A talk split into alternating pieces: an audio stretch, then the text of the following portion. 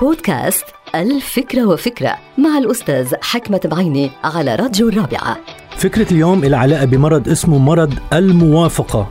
يبدو أنه معظم الناس بيعانوا من مرض الموافقة. يعني بمعنى آخر ما بيقولوا لا لأي شخص أو بيرفضوا أي طلب.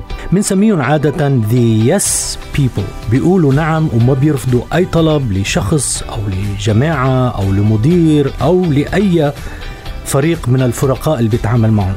هلا هذا المرض إذا صح التعبير له جذور شخصية وعائلية ومهنية متعددة.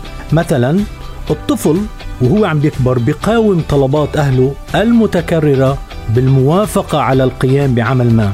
بمرحلة المراهقة بتزداد الضغوطات الاجتماعية على الشخص ومن ثم يضطر إلى الموافقة أيضا. بمرحلة النضوج تبدأ طلبات الموافقة في أماكن العمل تنهمر على الموظفين من زملائهم ومدراءهم وكمان بيكون الجواب نعم. ومن ثم في الحياة الزوجية هناك أيضا متطلبات بتفرض على الإنسان أنه يقول نعم وبكل الأحوال. هذا بشكل عام ممكن يكون جيد ولكن بشكل خاص له علاقة بنقص أو خلل نفسي عند بعض الناس اللي بيوافقوا دائما على أي طلب.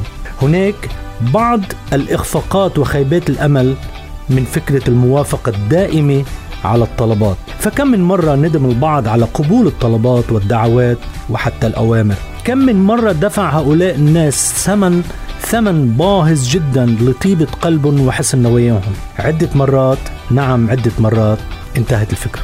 هذه الحلقة مقتبسة من كتاب الفكرة وفكرة.